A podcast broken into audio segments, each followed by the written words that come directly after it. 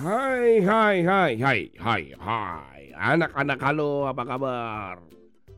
Kabar yang baik dan selalu kalian dipenuhi damai sejahtera dan sukacita dari Tuhan Yesus. Wih. Kalau kalian pergi ke perpustakaan nih ya, kalian pernah nggak pergi ke perpustakaan? Pasti isinya adalah buku-buku. Kita mau meminjam atau membaca di situ. Dan buku-bukunya beraneka ragam. Kalian jika ingin membaca buku-buku berkaitan dengan kuliner, kalian bisa mencari di rak bagian kuliner. Atau mungkin kalian ingin membaca buku yang berhubungan dengan sejarah, ya carilah di sana. Pokoknya semua buku-buku diklasifikasikan sesuai dengan bidang keilmuan masing-masing. Dan kalian tinggal mencari buku yang kalian tertarik gitu.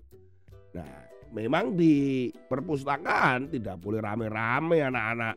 Kalau kalian rame ngomong sendiri ya disuruh keluar. Karena di sana semua orang ingin membaca. Tetapi kali ini ada perpustakaan yang unik sekali. Yaitu perpustakaan yang ada di Copenhagen, Denmark. Kan biasanya ada buku-buku yang berjajar ya. Tetapi kali ini yang berjajar bukan hanya buku, tapi ada yang berjajar adalah manusia. Nah, kalian boleh saja meminjam e-band istilahnya adalah ini seperti nama orang gitu ya, tapi ini namanya dirahasiakan. Ternyata event ini bisa dipinjam selama kurang lebih 30 menit. Oh, 30 menit. Orang kok dipinjam 30 menit ya. Ternyata event ini boleh kita ajak untuk duduk kemudian menceritakan tentang dirinya. Dia boleh bercerita. Nah, kali ini salah satu contohnya adalah cerita tentang kesehatan mental atau cerita mengatasi trauma. Karena memang si Iben ini dia seorang penyintas pelecehan seksual. Artinya dia pernah mengalami itu. Ini disebut sistem ini, metode ini adalah human library. Jadi tentunya ya bukan hanya event aja ya anak-anak ya. Ada beberapa orang yang apa gitu ya. Kemudian orang yang pernah mengalami ini, mengalami itu. Nah, jadi human library atau perpustakaan manusia ini yang diinisiasi atau ide dari Ronnie Abergel. Nah, dia mengatakan bahwa ini sangat luar biasa sekali. Jadi setiap hari ada sejumlah tema-tema di perpustakaan tersebut. Jadi bukan hanya event saja. Hari itu temanya apa? Maka ada orang yang akan berdiri di situ. Kemudian kita ajak orang itu duduk. Kemudian diminta dia untuk menceritakan pengalamannya atau pengetahuannya. Jadi bukan meminjam buku tapi meminjam orang. Nah, menarik sekali ini ya. Nah, mereka bisa mengajukan pertanyaan apa saja yang paling sulit, ya, apa yang paling sensitif, nggak apa-apa. Mungkin malah di situlah mereka bisa mendapatkan uh, langsung informasi dengan tepat. Ya, human library bisa dicoba itu ide itu ya. Mungkin di Indonesia begitu, mungkin bagaimana itu ya?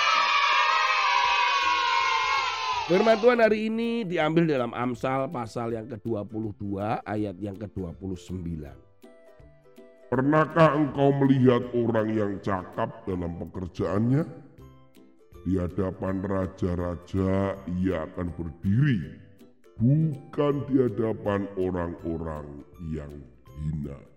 Ayat ini bermaksud bahwa ada nggak orang yang cakap? Tadi kalau kita melihat human library itu ada orang-orang yang memang cakap dia berdiri di situ. Dan kemudian bisa siapa saja dia bisa mendengarkan ya, mungkin bisa jadi dia adalah orang penting, pejabat, orang ya orang-orang yang memang mau belajar. Jadi kemudian human library menyediakan orang itu untuk dia bercerita. Nah, kalian sebagai orang-orang yang percaya, kalau kalian itu hidupnya itu benar-benar bergantung kepada Tuhan, dipenuhi hikmat. Kemudian kalian cakap, bekerja dengan rajin, maka kalian itu akan menjadi saksi-saksi Kristus. Orang akan melihat, oh ini, orang akan mendekat.